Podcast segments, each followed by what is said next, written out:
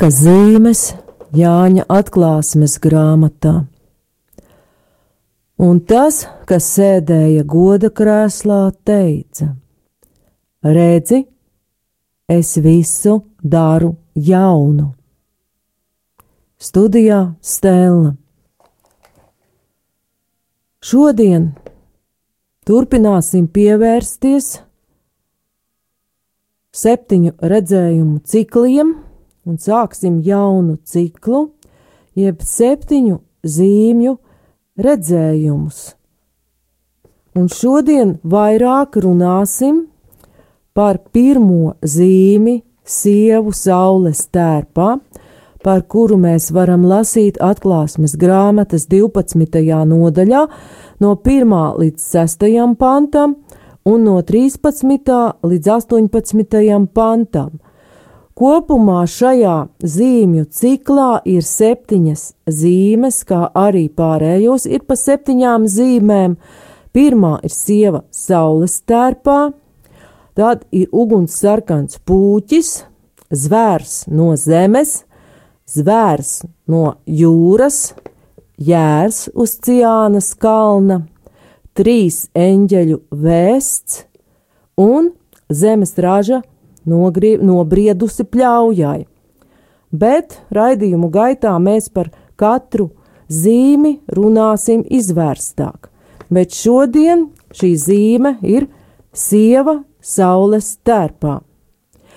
Un šī redzējuma aprakstu vizionārs uzsāk pirmo reizi savā vēstījumā lietojot vārdu zīme, jeb semejon, Pie debesīm parādījās liela zīme, sieva saulē tērpta, mēnesis apakš viņas kājām, un viņai galvā 12 zvaigžņu vainags. Atklāsmes grāmatas 12. nodaļas, 1. pāns. Un uzreiz varam pievērst uzmanību tam, ka autors mums saka, ka tā ir liela zīme, Ne par vienu citu no šīm zīmēm nav teikts, ka tā būtu liela zīme. Tā tad var teikt, no zīmēm tā ir pati centrālā galvenā zīme. Tālāk mēs lasām, ka sieva ir grūta un brēc dzemdēšanas sāpēs, un tūlīt Jānis redz debesīs parādāmies otru zīmi. Vēl cita zīme parādījās pie debesīm, redzi, liels pūķis, ugunīgi sarkans, tam bija septiņas galvas un desmit ragi, un uz viņa galvām septiņi ķēniņa kroņi. Atklāsmes grāmatas 12. nodaļa, 3. pants. Abas zīmes parādās pie debesīm, bet otrā ir konfrontācijā ar pirmo lielo zīmi, jeb sievu saules tērpā. Un lasām, Puķis stāvēja sievas priekšā, kurai bija jādzemdē, lai aprītu viņas bērnu, kad viņa būs dzemdējusi. Atklāsmes grāmata 12. nodaļa 4. pants. Un tālākais teksts jau mums ļauj saprast puķa un sievas konflikta cēloni.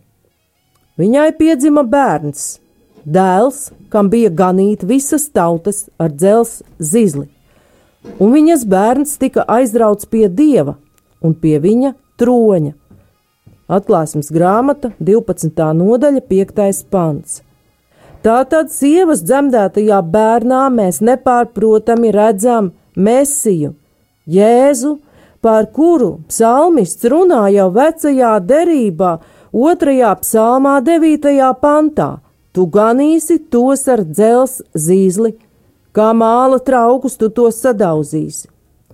Bet puķis nepārprotami ir ļaunā gara un demonisko spēku simbols, kas vēlas iznīcināt Jēzu, Mesiju, tātad, un viņa dibināto baznīcu.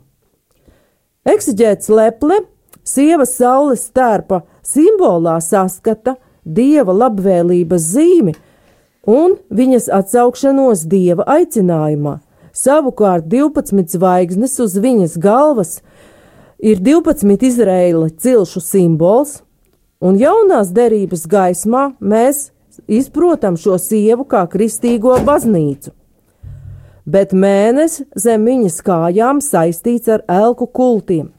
Jāatceras, ka atklāsmes grāmatas sarakstīšanas laikā Efezā atradās grieķu dievietes Artemīdas kulta vieta, slavens templis, un šīs dievietes simbols bija mēnesis.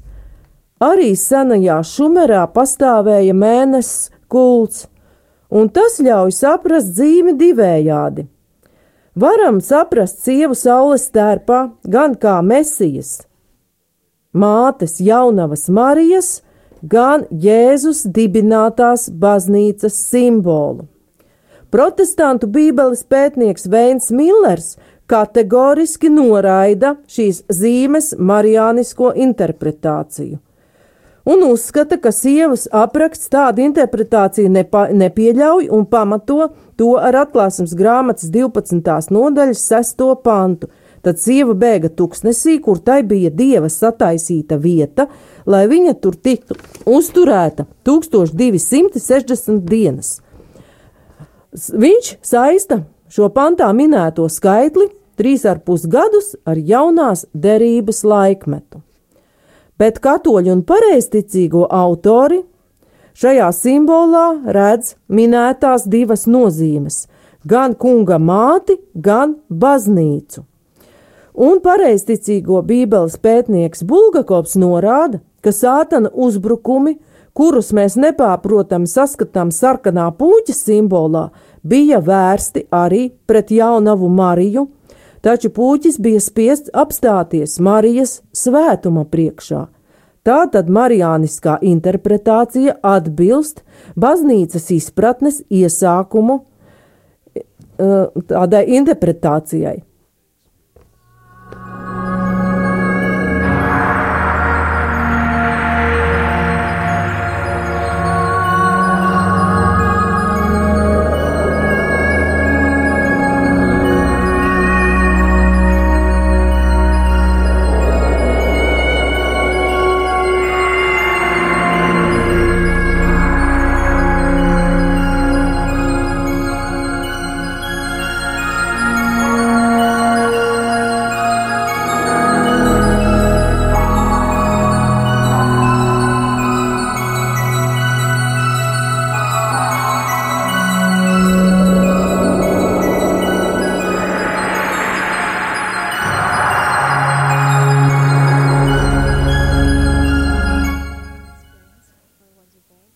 Katoļu bībeles pētnieks Ostaņskis domā līdzīgi kā Bulgakovs un pieņem elastīgu zīmes interpretāciju.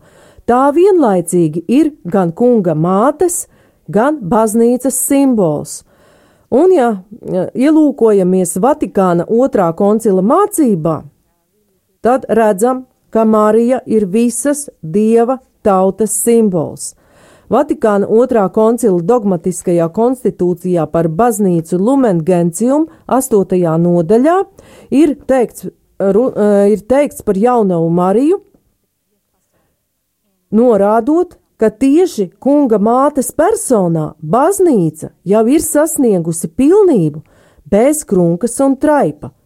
Jaunava Marija pēc brīvas gribas pati vēlējās iekļauties dieva pestīšanas plānā, Lūkas evanģēlijā pirmā nodaļā 38. pantā lasām, bet Marija sacīja: Redzi, es esmu kunga kalpone, lai notiek ar mani pēc tava vārda. Un ieņēma viņa no svētā gara savā miesā iemiesoto vārdu - Jēzu, un Jēzus vēlāk skaidri un nepārprotami izteiks savu nodomu dibināt baznīcu. Un es tev saku, tu esi Pēteris, un uz šīs klints es gribu celt savu draugu, un elles vārtiem to nebūs uzvarēt. Mateja evaņģēlijas 16. nodaļa, 18. pants. Bet savukārt apustulis Pāvils par baznīcu runā kā Kristus mistisko miesu. 1. korintiešiem 12. nodaļā, 27. pantā viņš saka: Bet jūs esat Kristus miesa un katrs par sevi locekļi. Tā tad Marija, uzņemot savā miesā ieviesoto vārdu, Jēzu, kura mistiskā miesa vēlāk kļūst baznīca, ir nēsājusi savā klēpī arī baznīcu, un viņu pamatoti var saukt par baznīcas māti. Interesanta, ka arī luterāņu komentētāja Luisa Braitona viedoklis ir ļoti tuvs katoliskajam. Kā Ievas un Ciānas meita Marija, dievbijīga jūdejas jaunava ir konkrēts sievietes iemiesojums, kuru vecajā derībā sauc par dieva līgavu. Viņa ir šīs Izraēla tautas pārstāve, caur kuru dievs darbojas apsolījumu piepildīšanai. Tātad Marijāniska interpretācija ne tikai nav pretrunā ar atklāsmes grāmatas 12. nodaļas tekstu, bet ļauj dziļāk izprast kunga mātes vietu baznīcas tapšanas noslēpumā. Bet sieva saules tērpā neapzīmē tikai vienu personu, Mariju, tā ir visas baznīcas pirmtēls, kura ir sagatavota tūkstnesī vecajā derībā, barota ar mannu, kā arī jaunās derības baznīcas simbols, kuras cvēceļo uz piepildījumu godībā. Uzreiz redzam, ka pret šo lielo zīmi ir pretestība. Pretī nostājies ir ugunsarkans puķis ar septiņām galvām, uz kurām pretstatā 12 zvaigznēm, kas rotā sievas galvu, ir ķēniņu, kroņa jeb diadēmas, kas simbolizē varas, uzurpāciju jeb nelikumīgu pārņemšanu. Jāatzīmē, ka jaunajā jaunās derības tulkojumā ir lietots tieši šis apzīmējums diadēmas, nevis kroņi, kas precīzāk atbilst grieķu valodā lietotajam nosaukumam. Septiņas galvas, ņemot vērā to, ka septiņi ir pilnības skaitlis, Šajā gadījumā simbolizē ļaunuma pilnību un ir apgriezts simbols ar septiņiem dieva gariem, atklātajai svētā gara pilnībai. Atcerēsimies atklāsmes grāmatas 4. nodaļas 5. pantu. No goda krēsla nāk zibeņi, balsis, pērkoni, septiņas uguns lāpas dega goda krēsla priekšā, kas ir septiņi dieva gari. Atklāsums grāmatas 12. nodaļā atrodam arī inklūziju jeb tādu iekļāvumu. Starp diviem vēstījumiem par sievu saules tērpā autors ir ievietojis aprakstu par cīņu debesīs, kas paskaidro, kā pūķis ir nonācis uz zemes un kas īsti viņš tāds ir. Lielais pūķis, vecā čūska, To sauc par vēlnu un sātanu, kas pieviļ visu pasauli, tapa gāsts. Viņš tika nomests uz zemi, un līdz ar viņu tā eņģeļi. Tas ir atklāsmes grāmatas 12. nodaļas 9. pants. Jānis nenorāda laiku, kad šī cīņa notika, bet varam pieņemt tieši šīs nodaļas kontekstā, ka cīņa debesīs ir saistīta ar Jēzus dzimšanu un viņa nepieņemšanu. Šajā iespraudumā mēs lasām, kā ar sātanu cīnās Miķelis ar saviem eņģeļiem. Ebreju valodā Mīkaēl viņa vārds nozīmē, kas ir kā dievs, un vecajā derībā viņš atklāts kā eņģeļu valdnieks un Izrēla tautas sargeņģelis. Daniela grāmatā 12. nodaļā, 1. pantā mēs varam lasīt – Tanī laikā celsies Mihaēls, lielais eņģeļu valdnieks, kas pasargā tavus tautiešus. Tad nāks bēdu laiki, kādi vēl nav bijuši, kamēr vien dzīvo tautas, līdz pat šim laikam, taču tanī laikā tava tauta paglāpsies, visi, kas ierakstīti dzīvības grāmatā. Daniela grāmatas teksts norāda uz pēdējiem laikiem, jaunās derības un baznīcas laikmetu ģēra dzīvības grāmatas laiku.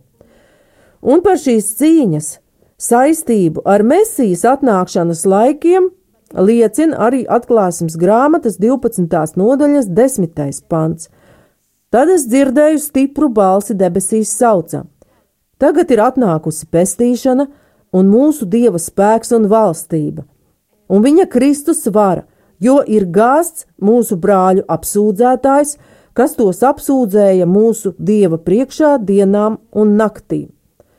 No atklāsmes grāmatas 12. nodaļas 13. panta autors atkal pievēršas puķa un sievas konfrontācijai. Puķis vajā sievu, un sieva bēg tuksnesī. Un autors raksta, sievai tika doti divi lielā ērgļa spārni, lai tā varētu lidot tuksnesī savā vietā, kur viņas dzīvība, prom no čūskas acīm, tiek uzturēta laiku un laikus un puslaiku. Atklāsmes grāmatas 12. nodaļas 14. pants. Un atkal redzam, ka tā tiek uzturēta tādu pašu laiku, kāds norādīts 12. nodaļas 6. pantā, ko jau minējām. Tikai tas ir pateikts ar citiem jēdzieniem - laiku un laikus un puslaiku, un kā jau noskaidrojām, tas ir jaunās derības laikmets. Divu ērgļa spārnu simbols, kurus saņem sieva, nāk no vecās derības un norāda uz dieva palīdzības klātbūtni un sievas paļaušanos uz kungu. Šis simbols lietots jau izceļošanas grāmatā, lai izredzētajai tautai atgādinātu par dieva varenību un palīdzību.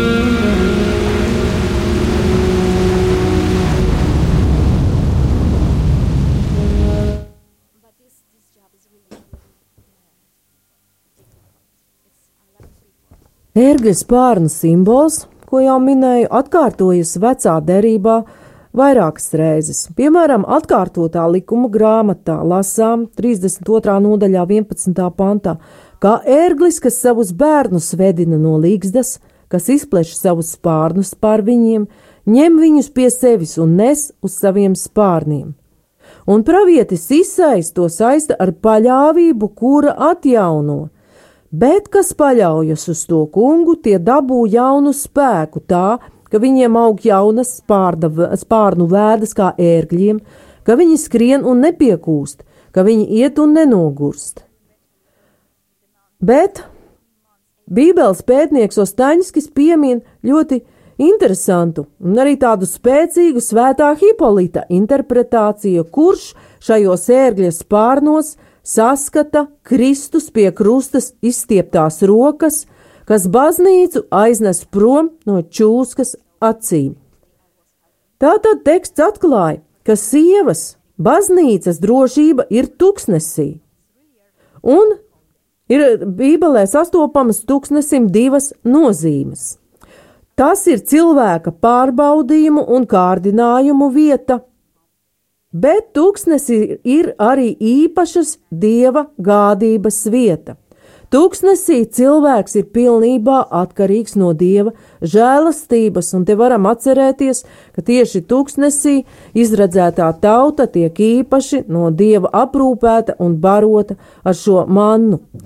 Baznīcas vēsture uz zemes ir tūkstneša svētceļojums, kurā baznīca tiek vajāta, izcieš pārbaudījumus, bet tai pašā laikā tā vienmēr ir Dieva pasargāta.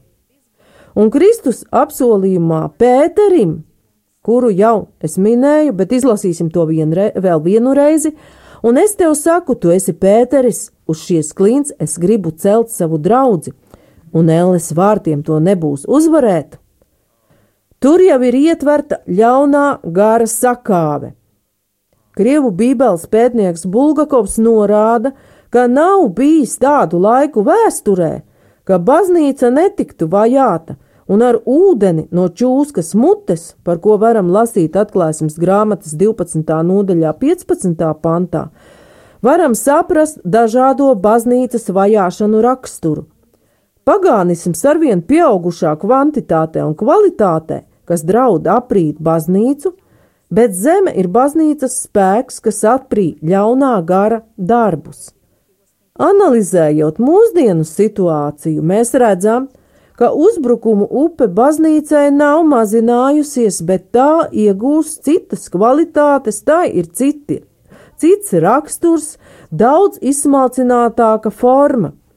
Izmantojot tehniskās iespējas, ko piedāvā modernie plašsaziņas līdzekļi, un ebreju rabīns Adins Steinzalts secina, ka kristietība ir zaudējusi zināmā mērā savu agrāko spēku, un tās vietā ir iestājies tukšums, ko cenšas aizpildīt jauns pagānisms.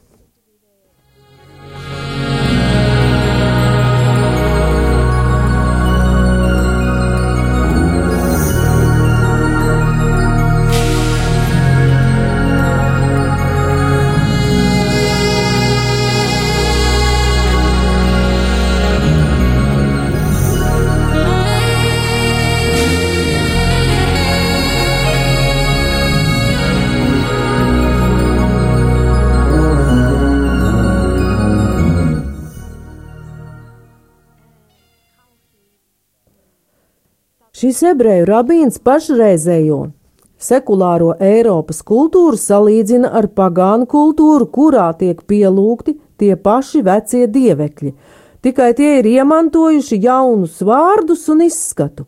Kā pirmais un galvenais dievs joprojām ir varas dievs, kurš visbiežāk pie, mēdz pieņemt mamona jeb naudas izskatu, un atcerēsimies, ka nekāds kompromiss starp kalpošanu dievam un kalpošanu naudai nav iespējams, par ko runā Jēzus savā kalna sprediķī. Jūs nevarat kalpot dievam un mamonai. Senās semītu tautas to sauca par bālu un tā godām būvēja tempļus, bet šodien, kā saka Adins Steinzelts, tam kā svētnīcas kalpo bankas. Rabīns pēc analoģijas norāda uz to vadošajiem darbiniekiem kā saudabīgiem naudas dieva priesteriem un atzīst, ka arī pagātnē cilvēki tiecās pēc varas, naudas vai izpriecām. Atšķirīgais ir tas, ka agrāk šīs vēlmes bija paslēptas un apslēptas, it kā piesaktas, un atklāti tās nedemonstrēja, un sabiedrībā kopumā uzskatītas par kārdinājumiem un negatīvu parādību, bet šodien tās tiek demonstrētas atklāti un nekaunīgi.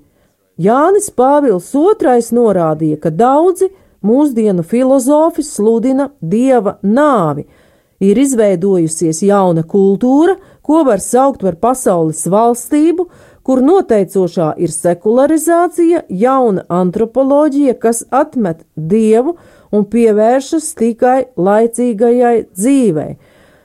Un cilvēks tiek vērtēts nevis pēc tā, kas viņš ir, bet ko un cik viņš spēj patērēt. Tajā pašā laikā mēs redzam kristietības aktivitātes pieaugumu, un kā baznīcas atbilde sekularizācijā ir jaunā evanģelizācija, kuru pāvests Jānis Pāvils II, nu jau varam teikt svētais Jānis Pāvils II, uzskatīja par vienu no galvenajiem mūsdienu baznīcas uzdevumiem. Un baznīca evanģelizācijā izmanto dažādas jaunas metodes, līdzekļus un izteiksmes veidus, meklēt tos, lai labā vēsts būtu saprotama un pieņemama katram cilvēkam. Šobrīd mēs redzam, ka šo iesākto darbu turpina arī pāvests Francisks, un ka tas aug jau šajā žēlsirdības gada pasākumu ietvaros, kuri iziet jau tālu ārpus starp kādiem cilvēciski sadomātiem pasākumiem, bet kuros jau parādās svētā gara vadība, kura izplatās baznīcā. Tā tad notiek arī jaunā gara darbībai pretējais. Un apkopojot šajā īsā pārskatā atklāto, tomēr varam secināt, ka pati svarīgākā laika beigu zīme ir baznīca, kuru dibina no sievietes jaunavas Marijas dzimušais Mesija, Jēzus Kristus, un kura aug neskatoties uz ļaunā gara pretestību, kurš ir sakauts jau ar dieva dēla iemiesošanos, aug līdz piepildījumam godībā. Bet nākamajā raidījumā mēs runāsim jau par citām zīmēm, par puķi zvēru no jūras un zvēru no zemes, kas veido tādu savdabīgu svētās trīsvienības antitēzi, bet te ir jāņem vērā, ka tā ir radību veidota tāda negatīvā trīsvienība, kura ir svētās trīsvienības, kur ir kopš mūžības karikatūra, kura mēģina cilvēkus pievilt, mēģina pārliecināt viņus, ka viņi ir paši vērtību mērs un paši var būt kā dievi. Un te ir jāatzīmē divas lietas, ka vienmēr ir jāatcerās tas, ko jau minēju, arī ļaunais gars ir tikai radība un var darboties tikai dieva noteiktās robežās, bet jāatceras, ka tomēr šis puķis un viņa komanda zvērs no jūras un zvērs no zemes ir reāli un reāli darbojoties. Bet par to nākamajā reizē. Studijā bija Stela.